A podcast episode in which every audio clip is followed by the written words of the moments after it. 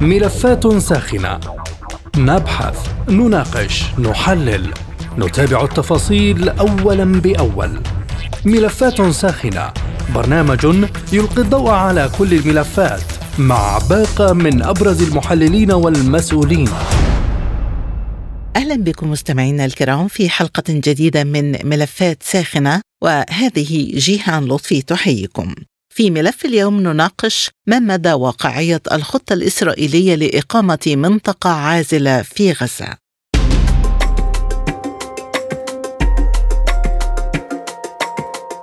أفادت وسائل أعلام غربية بأن إسرائيل أبلغت عدة دول برغبتها في إقامة منطقة عازلة على الجانب الفلسطيني من حدود قطاع غزة لمنع أي هجمات مستقبلية عليها في إطار مقترحات بشأن القطاع في مرحلة ما بعد الحرب. وأفاد المصدر بأن إسرائيل تريد إقامة هذه المنطقة العازلة بين غزة وإسرائيل شمالا إلى الجنوب ضمن عملية تتضمن تفاصيل أكثر وتتم على ثلاثة مستويات. ويقول مسؤول إسرائيلي إن المستويات الثلاث تشمل تدمير حماس على حد تعبير المسؤول الإسرائيلي ونزع سلاح غزة والقضاء على التطرف في القطاع مشيرا إلى أن المنطقة العازلة قد تكون جزءا من عملية نزع السلاح. حول واقعية الخطة الإسرائيلية لإقامة منطقة عازلة في غزة تدور نقاشاتنا في حلقة اليوم من ملفات ساخنة. البداية من الأردن ومعنا عبر الهاتف من عمان الدكتور جمال الشلبي أستاذ العلوم السياسية بالجامعة الهاشمية. مرحبا بك معنا ضيفا عزيزا دكتور جمال عبر أثير سبوتنيك. سؤال حلقة اليوم ما مدى واقعية الخطة الإسرائيلية بشأن منطقة عازلة في غزة؟ وهل هي قابلة للتنفيذ؟ يعني إسرائيل تتخبط حقيقة نتيجة حربها العدوانية على قطاع غزة وعلى حماس وعلى الشعب الفلسطيني. يعني قضية المنطقة العازلة ماذا ستفيد في ظل وجود أسلحة وجود صواريخ وفي ظل وجود طائرات مسيرة؟ أعتقد القضايا الأمنية اختلفت بشكل كبير ومع ذلك تصر إسرائيل أن تتفاعل وتتعامل مع سلوكها القديم مع أدواتها القديمة فيما يتعلق بالتحديثات التي جاءت على مستوى السلاح وعلى مستوى الأفكار وعلى مستوى القيم سواء على المستوى الوطني أو على المستوى الإقليمي أو المستوى الدولي. وبالتالي هذه محاولة إثبات وجود بأننا نستطيع أن نقوم بشيء يرضي. آه، غرور القيادة العسكرية من ناحية ويعطي شيء من الارتياح لإسرائيل والاسرائيليين الذين يشعرون بان بأن صورتهم قد انهزت ومن ثم قضية هذا الإطار وقضية هذه المسافة آه، بين كيلو إلى 2 كيلو آه، هي اولا تخالف القوانين والتشريعات الدولية وثانيا مرفوضة عربيا من الدول التي يعني لديها علاقات استراتيجية ولديها اتفاقيات سلام سواء فيما يتعلق بمصر أو الأردن أو غيرها.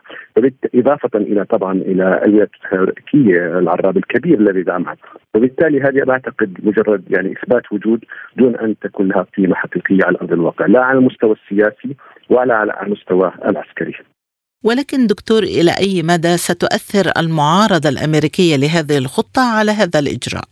يعني أنا بظن هناك في تنسيق بين الطرفين بشكل كبير فيما يتعلق بالحرب على حماس وهناك رغبة حقيقية أمريكية في التخلص من موضوع موضوع فلسطين والقضية الفلسطينية من خلال أداتها الصهيونية في في في وحربها على غزة. اظن هذا توزيع الأدوار ربما يشي بشكل أو بآخر أن أمريكا ترفض ما تقوله سرا لإسرائيل تفعله ولكن بنهاية المطاف أنا أعتقد هذا يعتمد على صلابة وعلى قوة آه، المقاومة. إسرائيل تستطيع أن تدعي ما تشاء. هي منذ بداية الحرب وهي تقول بأننا سنقضي على حماس وعلى ونفكك آه، قدراتها العسكرية وننهي وجودها ونحرر الرهائن، لم يتحقق أي هدف. وبالتالي قضية الإعلانات الإعلامية والصحفية هي أنا بعتقد لا تعبر بالضرورة عن الواقع أو الحقائق، اليوم نجد بأن هناك في تحولات حقيقية على أرض الواقع في الميدان آه، الشعب الفلسطيني آه، الرازح منذ أكثر من 30 عاما تحت وطأة هذا الحصار الجائر. 75 آه، عاما لم نصل إلى حلول، اليوم الشعب الفلسطيني لا يمكن أن يترك أرضه ولا يمكن أن يهجر، هذه نقطة، النقطة الثانية حتى حماس والمقاومة وجميع أخواتها من المقاومين الفلسطينيين لا يمكن إلا أن يكون الثمن باهظ لإسرائيل. وأعتقد أنهم سيحاربوا لآخر رجل.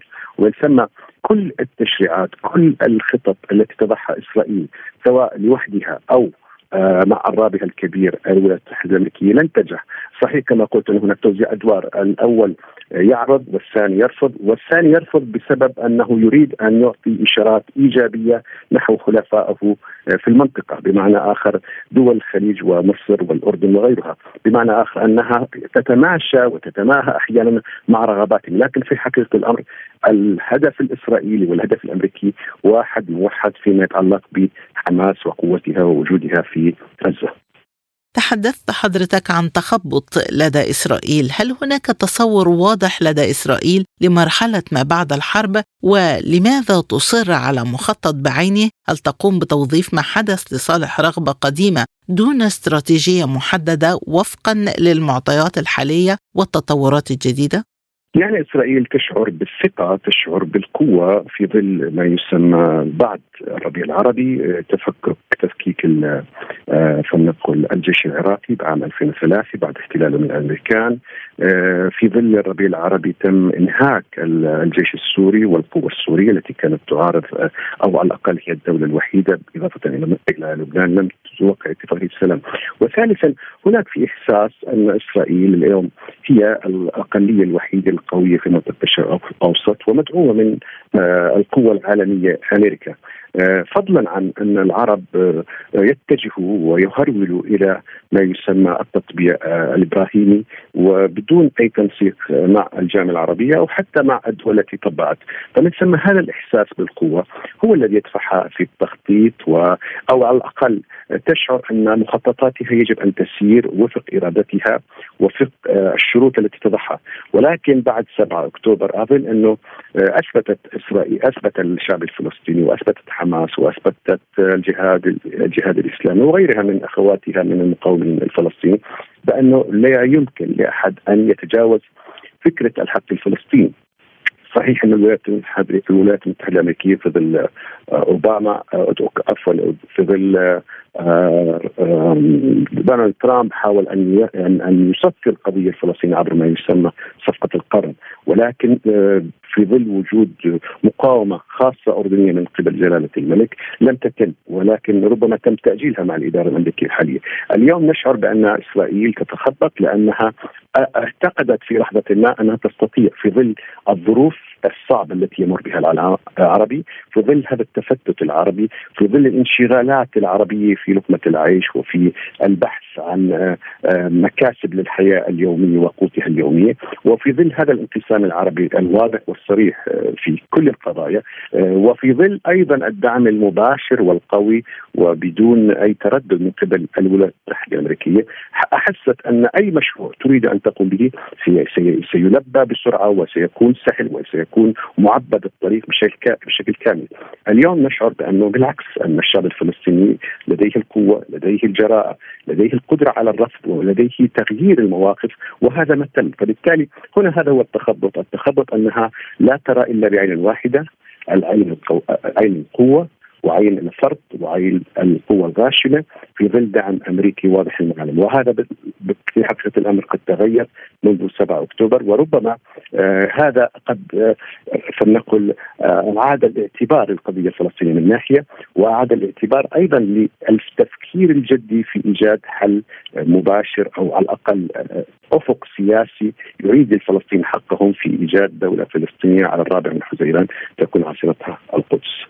دكتور الصحف الغربية تتحدث عن أن إسرائيل تستعد لحرب طويلة الأمد. إلى أي مدى ستصمد إسرائيل في مواجهة الاستنزاف خاصة مع تضرر الاقتصاد والموقف الهش للحكومة في الداخل؟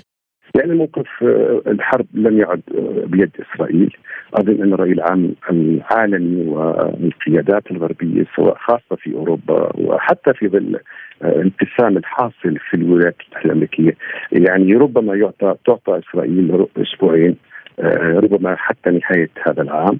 لكن بعد ذلك لا يمكن للرأي العام لا يمكن للمنظمات الدولية لا يمكن لأحد لا يمكن للأفراد لا يمكن للحس الانساني أن يقبل أن تقوم دولة جبارة، دولة غاشمة، دولة محتلة حسب القوانين والتشريعات والقيم العالمية أن تقوم بضبط الشعب آه، بغض النظر عن ما قامت به حماس وهذا الثمن الباهظ أكيد أن إسرائيل لا يمكن أن تحقق أهدافها في ما يسمى ممارسة الأرض المحروقة إلا والشعب الفلسطيني يدفع الثمن.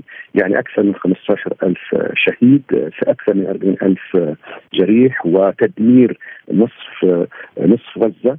ومدينة غزة واحياؤها، إذا ماذا تبقى؟ هل تبقى هل سيشهد العالم؟ هل سيقبل العالم بكل أطيافه بكل آرائه بغض النظر عن مواقفهم من فلسطين ومن فلسطين، هل سيقبل أن تقوم قوة غاشمة بقتل الشعب الفلسطيني أمام اعينها أمام الكاميرات؟ أمام ال social media. أعتقد ذلك من الصعب بمكان. ثانيا وهو المهم ما هي الأهداف التي تريد أن تحققها؟ حماس ليست مجرد أفراد وليست قوة مادية وعسكرية. حماس فكرة مقاومة. في لحظة ما شهد الشعب الفلسطيني مقاومة من القوميين العرب ثم جاءت فتح وأصبحت هي الرمز واليوم حماس وبعد ذلك سيأتي قوة أخرى. قد لا تكون إسلامية وقد تكون ربما علمانية وربما تكون قومية وربما تكون إنسانية، إذا المقاومة تتشكل كالزئبق بشكل بشكل مختلف من وقت لاخر، وبالثمة القضاء على فكرة حماس وفكرة المقاومة لا يمكن أن تتم حتى ولو كانت إسرائيل مدعومة من كل العالم، ويكفي أن نشير في موضوع القوة. أن أمريكا انسحبت وهزمت في في في فيتنام وهزمت في آه، أفغانستان وهزمت في العراق وكذلك الحال بالنسبة للاتحاد السوفيتي في أفغانستان وغيرها. فبالتالي لا يمكن للقوة أن تحقق أهدافها السياسية إن لم يكن هناك حقيقة توافق وتفاوض حقيقي يعطي الشعوب حقوقها ويعطي الشعوب آه، رغباتها في أن تعيش مستقلة كبقية شعوب العالم ومنها الشعب الفلسطيني. في ظل موقف إيران الحالي من الصراع هل اتضح دور إيران في معادلة ما بعد الحرب؟ لدى إيران لاعب قوي حقيقة لأنه لديه أوراق متعلقة بحزب الله من ناحية وهي تمثل الخاصرة الضعيفة بالنسبة لإسرائيل في الشمال أيضا هناك في قوة برزت بشكل واضح وصريح في هذه في هذا الصراع وهي قوة الحوثيين الذين يسيطرون على المضائق وعلى يعني باب المندب وعلى البحر المتوسط وعلى البحر البحر الأحمر ولديهم قوة صاروخية على ما يبدو قوية تستطيع أن تصل إلى إيلات. وهذه قوة. إضافة إلى ذلك هناك في الحشد الشعبي الذي بدأ يدك أن نقل الوحدات العسكرية في العراق وفي سوريا. فبالتالي أكيد أن إيران تستطيع أن تستخدم مخالبها هنا أو هناك من أجل الضغط على على على الموقف الأمريكي الذي هو بدوره يقوم بالضغط على إسرائيل. ولكن حقيقه الأمر لا أعتقد أن لدى إيران أي رغبة حقيقية في توسيع فكرة الحرب لأنه وضعها الاقتصادي لا يسمح في ذلك وضعها السياسي وترابطها مع الموقف الصيني و والروسي لا يسمح لها في أن تدخل في معركة قد تبدأ ولا تنتهي خاصة في ظل ظروف صعبة يعيشها الشعب الإيراني وخاصة أنه كما قلت أن الموقف الإيراني ليس موقف واحد، الموقف الإيراني يرتبط بشكل كبير مع القوى الأخرى التي بدأت يعني تشكل بشكل أو بآخر حلف كبير ينبئ بولادة نظام عالمي جديد. تكون إيران جزء منه ولكنه يمتد من بكين إلى إلى موسكو إلى إلى جنوب أفريقيا إلى البرازيل. بمعنى آخر دول البريكس التي أصبحت الآن لا تمثل فقط قوه اقتصادية بل قوه سياسية. فأعتقد إن إيران لديها رغبات حقيقية ولكن امكانياتها الآن أعتقد لا لا تسعفها في أن تتدخل بشكل أو بآخر ولأنها إذا تدخلت أكيد ستدخل الحرب الإقليم كله في حرب إقليمية ومن ثم قد تشتعل وربما تصبح هناك حرب عالمية ثالثة، ومن هذا المنطلق لا أحد يرغب في ذلك، لا الولايات المتحدة الأمريكية التي هي حريصة أن لا تدخل في حرب ثانية إضافة إلى أوكرانيا وروسيا، إضافة إلى كما قلت الدول الكبرى الصين وروسيا هي أيضا لديها موقف وإن كان يعني بعيد نوعا ما ولكنه عبر الموقف الإيراني نستطيع أن نفهم ونتفهم مواقف العالم كلها التي تعبر عنها بشكل أو بآخر السياسة العسكرية، السياسة الدبلوماسية، السياسة الاقتصادية الإيرانية. تتحدث بعض مراكز الفكر الغربية عن تنامي دور تركيا في هذه الأزمة على حساب إيران خاصة في مسألة دعم حماس برأيك دكتور هل عادت واشنطن لتنفيذ مخطط التفرقة بين الشيعة والسنة من أجل تطبيق سياساتها في الإقليم؟ لا أعتقد ذلك، يعني أنا بظن العلاقات التركية الإيرانية على درجة عالية فيما يتعلق بالملف التجاري والاقتصادي والاستثماري. ثانيا أنا بظن إنه صحيح إنه يعني تركيا لديها علاقات قوية من حيث المبدأ مع مع مع حماس وهناك قيادات كبيرة موجودة هناك لكنها في المرحلة الأخيرة أو في الآونة الأخيرة بدأت تتراجع عن موقفها وبدأت تمد يد آه، فلنقل التعاون الكبير مع إسرائيل. وفي حين بالجهة الثانية أو من طرف آخر نجد أن العلاقات الحمساويه مع إيران في تصاعد كبير. يكفي أن نشير أن إسماعيل الهنيه قد زار آه، إيران واستقبل استقبال الأبطال في إيران. وحتى الدعم العسكري هو متاتي من إيران والدعم المالي وهذا لا أحد يخفي ولا أحد يشكك به. فأظن إذا قارنا بين الدعم الإيراني والتركي إلى حماس بالتأكيد آه، من حيث النظرية يجب أن تكون تركيا لكن حقيقة في حقيقة الأمر وفي حقيقة الواقع أنا أظن انه إيران لديها دعم كبير آه، مباشر وغير مباشر سواء عبر البوابة حزب الله أو وحتى عبر الحوثيين في دعم المقاومة، تركيا تحاول أن تلعب دور الوسيط كونها لديها إمكانيات أو علاقات جيدة مع إسرائيل ومع حماس في نفس الوقت إلى حد ما، ولكن لا أعتقد أن أن حماس تعتمد بشكل كبير على تركيا، تعتمد بشكل أكبر على إيران. بالنسبة للصراع العربي الصراع الشيعي السني يعني أظن إنه العلاقات الدولية بدأت تتجاوز فكرة هذا الأمر. وكما قلت ربما هذا إيه، يعني كان في الماضي يعني والدليل على ذلك أن العلاقات السعودية الإيرانية التي كانت تتسم دائما برائحة الطائفية ورائحة الصراع بين الشيعة والسنة قد انتهى. بمعنى آخر هناك في علاقات متصاعدة في علاقات رسمية في تبادل سفراء في تعاون في المجال الطاقوي في تعاون في المجال الدبلوماسي حتى في المجال العسكري بين السعودية وإيران. وبالتالي موضوع الشيعة والسنة أظن أنه العالم العربي الإسلامي بدأ بتجاوزه. كيف تقيم دور المنظمات الدولية خاصة الأمم المتحدة في التأثير على هذه الحرب؟ وهل نحن أمام تغيير جذري في معادلات الأمن الجماعي حول العالم؟ بالتأكيد أن يعني لأول مرة نشهد أمين عام آه، انطونيو بيترش يتحدث بطريقة متوازنة آه، يشير إلى نقاط الضعف ونقاط القوة ويشير إلى ضرورة حل القضية الفلسطينية ويشير إلى المعتدي وهذا الأمر لم نكن نعتاد عليه.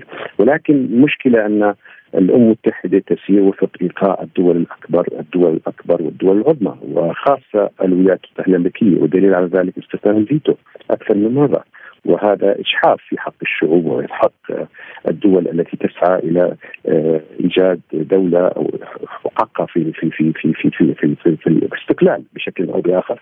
الأمن الجماعي بدأ يعني يعني يختفي أو فلنقل لم يعد له دور كبير في حين أن عصبة الأمم التي تأسست عام 1919 والأمم المتحدة جاءت لتجاوز فكرة توازن توازن القوى إلى الأمن الجماعي. اليوم نشعر بأن الأمن الجماعي لم يعد موجود، الدليل على ذلك ما يحدث في غزة. لا أحد يتصرف من منطلق الأمن الجماعي، لا أحد يتصرف من منطلق إنساني، لا أحد يتصرف من منطلق قيمي، فبالتالي أظن الأمن الجماعي على على المحك اليوم، يعني لا أدري إلى أين نتجه خاصة في ظل تطور الصناعات التقنية المعتمدة على الريبوتات والمعتمدة على الطائرات المسيرة والمعتمدة على الصواريخ البالستية بعيدة المدى المعتمدة على التكنولوجيا. واعتقد انه العالم كله في خطر حقيقة إن لم نتداركه، فبالتالي آه، الأمم المتحدة تلعب دور قيمي آه، تحاول أن تدفع الجميع للحوار والنقاش وإيجاد الحلول ولكن حقيقة الأمر هي عاجزة، عاجزة بسبب القوى العظمى وخاصة أمريكا، هذه نقطة، النقطة الثانية والأخيرة أنه بدأت تفرغ الأمم المتحدة من قوتها وقيمتها، نجد اليوم ان هناك في جروبات اقتصادية سياسية بدأت تنبت خارج الأمم المتحدة مثل الاتحاد الأوروبي، الجامعة العربية، أيضا group 7 وال group 20 وال group أيضا آه، البريكس، فهذه القوى بدأت تشعر أنه لا يمكن أن نحقق أهدافنا من خلال هذه هذه الأمم المتحدة الكبيرة والمعقدة والتي تحتاج إلى جهد كبير، ومن ثم أظن بعد فترة ربما نستغني عن الأمم المتحدة لأنها في حقيقة الأمر لم تعد كما كانت في بدايتها، لم يعد لها الدور الكبير بالرغم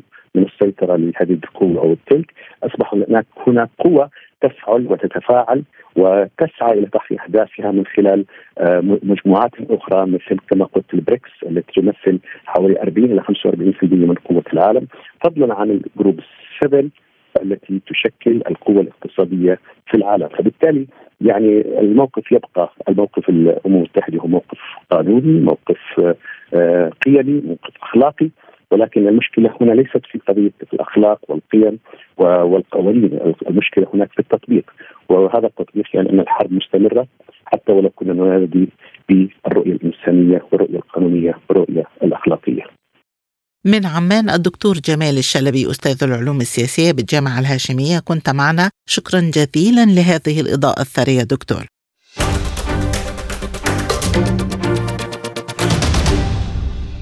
وحول تداعيات هذه التطورات على مستوى العلاقات العربية الإسرائيلية معنا من القاهرة الدكتور مختار غباشي نائب رئيس المركز العربي للدراسات. مرحبا بك معنا ضيفا عزيزا دكتور مختار عبر أثير سبوتنيك. بداية ما هو تقييم حضرتك لطرح إسرائيل فكرة إقامة منطقة عازلة في غزة؟ خليني أقول لك هذا الطرح ليس طرحا جديدا إسرائيليا. هو كان مطروحا منذ بداية هذا الصراع وإسرائيل تدرك ده جيدا حتى وإن كانت لم تصرح به رسميا في بداية هذا الصراع. لكن بعد تطور الصراع مرة ثانية بدأت إسرائيل تتحدث عنه. وإشكاليتك في هذا الحديث إنه حديث كله غموض يعني المنطقة الأمينة دي آه، في عمق قطاع غزة مداها كام؟ تحدثوا عن امتار وتحدثوا عن كيلومتر وتحدثوا عن 2 كيلومتر وفي نفس الوقت والآخر هم يدركوا إنه مستحيل على المقاومة الفلسطينية أو على أهالي قطاع غزة أن يسمحوا به. ناهيك عن التصريحات الدولية والإقليمية اللي تحدثت بانه هذا أمر مرفوض. سيطره إسرائيل مرة أخرى على قطاع غزة أو امتداد أمني ليها أو شكل من أشكال السيطرة الأمنية. آه، أنا متصور هيخلق تداعيات كبيرة جدا. آه، وتداعيات ربما لا يحمد عقبها بالحديث عن هذه النقطة دكتور مختار لا تكف إسرائيل عن طرح رؤى مختلفة للتهجير رغم رفض الأردن ومصر بشدة. إذا لماذا تكرر إسرائيل هذا الطرح؟ وهل يمكن أن يؤدي التكرار وزيادة الحوافز إلى تعاطي بعض الأطراف مع هذا المخطط؟ ربما الفلسطينيين أنفسهم تحت وطأة القتال؟ أنا أتصور انه مسألة التهجير أو مسألة إنهاء ما تبقى من معالم الدولة الفلسطينية هذه سياسة محكومة آه، بهذه الحكومة اليمينية المتطرفة العلمانية الأكثر تطرفا وتشددا والدينية المتطرفة أيضا. لأنه عندما يجتمع نتنياهو مع ساموتريتش مع ايتمار بن غفير مع اريه درعي مع بين غانتس مع غالنت تلك هم الأكثر تطرفا ربما في تاريخ إسرائيل. فمسألة التهجير آه، أو مسألة إنهاء ما تبقى من معالم الدولة الفلسطينية ده هدف لهذه الحكومة. والتهجير مسألة مطروحة لأنه قطاع غزة واضح بأنه هذا القطاع هو خارج السيطرة بدرجة أو بأخرى وقدرة إسرائيل أو حتى الدول المساندة لها أن تنهي المقاومة الفلسطينية داخل قطاع غزة مسألة مستحيلة. إذا البديل هو حديث ساموتريتش عن دمار قطاع غزة. وتهجير سكانه. هذا أمر مرفوض مصريا بشكل كبير رسميا وشعبيا وحكوميا ورئاسيا ومرفوض اردنيا بحكم انه مسألة التهجير ليست متوقفة على قطاع غزة بس، هناك حديث متواتر أيضا عن الضفة الغربية فيما هو مرتبط بهذا السياق، وأنا متصور أنه حديث الأردن بالخط الأحمر وحديث المصري آه، بالخط الأحمر، آه، الخط الأحمر إذا أصرت إسرائيل على ذلك وبدأت في أفعال توحي بإن هي بصدد تفعيل هذا الموقف عند ذلك قد تنفجر أوضاع منطقة الشرق الأوسط بالكلية لأن الأمر هنا هيصل إلى مرحلة تطور خطير. في هذا الإطار دكتور إلى أي مدى يمكن أن يتطور سلوك إسرائيل مع دول الجوار وهل نحن أمام احتمالات لإلغاء معاهدات السلام المصرية والأردنية بعد حديث الدولتين كما تفضلت عن خطوط حمراء شوفي أنا من وجهة نظري هناك حكمة مصرية آه، في إدارة هذا الملف والدليل عدم تهور مصر في اتخاذ مواقف آه، متشددة أو غيره. لكن آه، ال ال ال ال الأمر أيضا وهناك حكمة أردنية صحيح. هناك سحب سفير وهناك إلغاء الاتفاقيات زي الطاقه والماء. لكن أنت بدرجه أو بأخرى لو وصلت إلى مرحلة التهجير وفرض الأمر الواقع بهذا التهجير متصور بشكل أو بآخر. إنه الأوضاع معرضة للتطور والأوضاع معرضة إلى مسائل سيئة شكل هذا التطور هيكون إيه دعينا نراقب الموقف وأنا متصور أن في جعبة الطرفين المصري والأردني آه، الكثير فيما هو مرتبط بطبيعة العلاقات السياسية والاقتصادية وفيما هو مرتبط بطبيعة العلاقات الدبلوماسية وفيما هو مرتبط بطبيعة الاتفاقيات المبرمة ما بين الدولتين وإسرائيل. كيف تقرأ دكتور تصريحات إسرائيل بشأن اغتيال قادة حماس في الخارج وهل يمكن أن تقدم على هكذا عمل وتعرض علاقاتها الدولية لمزيد من الضرر؟ شوفي أنت أمام حكومة فشلت وأمام حكومة آه، مراكز الاستطلاع وآخرها صحيفة معاريف الإسرائيلية تحدثت عنها آه، نتنياهو سقط سياسيا وحظوظه عند إجراء أي انتخابات في الداخل الإسرائيلي تكاد تكون معدومة. ساموتريتش وايتمار بن غفير الدو... الشخصيتين الأكثر تطرفا في هذه الحكومة. صحيفة معرفه تتحدث بانه حظوظهم في نيل العتبة الانتخابية لدخول الكنيسة نفسها. مسألة تكاد تكون قليلة للغاية. فأنت بتتحدثي عن حكومة متهورة تستطيع أن تفعل أي شيء خصوصا انه واضح بانه التأييد الأمريكي بصرف النظر عن علانيه بعض المواقف ما زال موجودا يعني إسرائيل وما قامت به صباح أمس الساعة السابعه صباحا كان بلينكن موجود وبعدها بخمس دقائق غادر آه، إسرائيل إلى الولايات المتحدة الأمريكية. وحديثه حتى في المؤتمر الصحفي بالنعي على حماس لإفشال آه، صفقة تبادل الأسرى وغيره أو لوم حماس وغيره من مثل هذه الأمور. آه، ده حديث إلى حد كبير جدا يديك إيحاء بأن الولايات المتحدة الأمريكية واضح بأن هي تسير في خط التأييد لإسرائيل وإلا ما أقدمت إسرائيل على هذه الأفعال خصوصا تفجر الموقف من جديد كانت تستطيع أن تنتظر أو أن يكون هناك مزيد من التفاوض أو أن تدخل في التفاوض الأكبر المرتبط بالعسكريين والمرتبط بالإفراج عن باقي المحبوسين أو المقبوض عليهم الفلسطينيين آه، داخل السجون الإسرائيلية.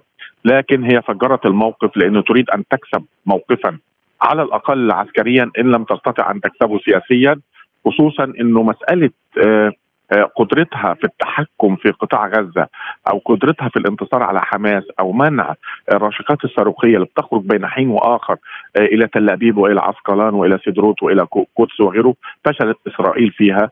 وده إلى حد كبير جدا واضع الشخصيات الإسرائيلية أو من يدور الحكومة الإسرائيلية في موقف حرج للغاية. إذ لم يكن أمام جمهوره أو أمام الشعب الإسرائيليين فهم امام ذاتهم ومتصور انه هذا التهور قد يأتي من خلال هذا السياق أو انعدام قدرة هذه الحكومة في انها تؤثر تاثيرا كبيرا في هذا الصراع خصوصا وهي تحارب قطاع وتحارب آه، مقاومة آه، يعني إلى حد كبير جدا ما زالت قادرة وعافية وقادرة على أنها توجع إسرائيل وتطور هذه المقاومة بإضافة حركات مقاومة أخرى آه، إلى الواقع ده. أمر مطروح وتشوفي ان تسخين الساحة قطاع غزة بالتوازي معاه تم تسخين الساحة اللبنانية في ذات السياق. أخيرا دكتور إلى أي مدى يمكن أن تؤثر التطورات الداخلية في إسرائيل والموقف من نتنياهو على مسار هذه الحرب؟ الشارع الإسرائيلي، الشارع الإسرائيلي ضاغط بشده في مسألة إكمال تبادل الأسرى ما بين الجانبين ومتصور إنه ضغط الشارع ده أمر مش هين، آه، صحيح نتنياهو تحايل عليه كثيرا فيما هو مرتبط بالتعديلات التي أدخلت على المحكمة العليا أو غيره من مثل هذه الأمور لكن ضغط الشارع كبير وضغط الشارع العالمي والدولي والإقليمي فيما هو مرتبط بإنهاء هذا الصراع ساخنا للغاية. وأنا متصور إن الولايات المتحدة الأمريكية أمامها حسابات معقدة لأن خسارتها للواقع العربي أو الإقليمي أو مصالحها فيه أمر محفوف بالكثير جدا من المخاطر خصوصا إن الكل أصبح مدرك إن الولايات المتحدة الأمريكية مسؤولة عن هذا التبجح وهذا العناد الإسرائيلي. لكن خلينا أقول لك الأمر ضبابي قابل للتطور وقابل لانهائه لكن محكوم بأمور كثيرة جدا دعينا نراقبها ولكل مقال أو لكل موقف حديث. بحديثي إلى نائب رئيس المركز العربي للدراسات الدكتور مختار غباشي نكون قد وصلنا إلى ختام حلقة اليوم من ملفات ساخنة وللمزيد زوروا موقعنا على الإنترنت سبوتنيك dot ae مستمعينا بهذا نصل وإياكم إلى نهاية هذه الحلقة من برنامج ملفات ساخنة. طابت أوقاتكم وإلى اللقاء.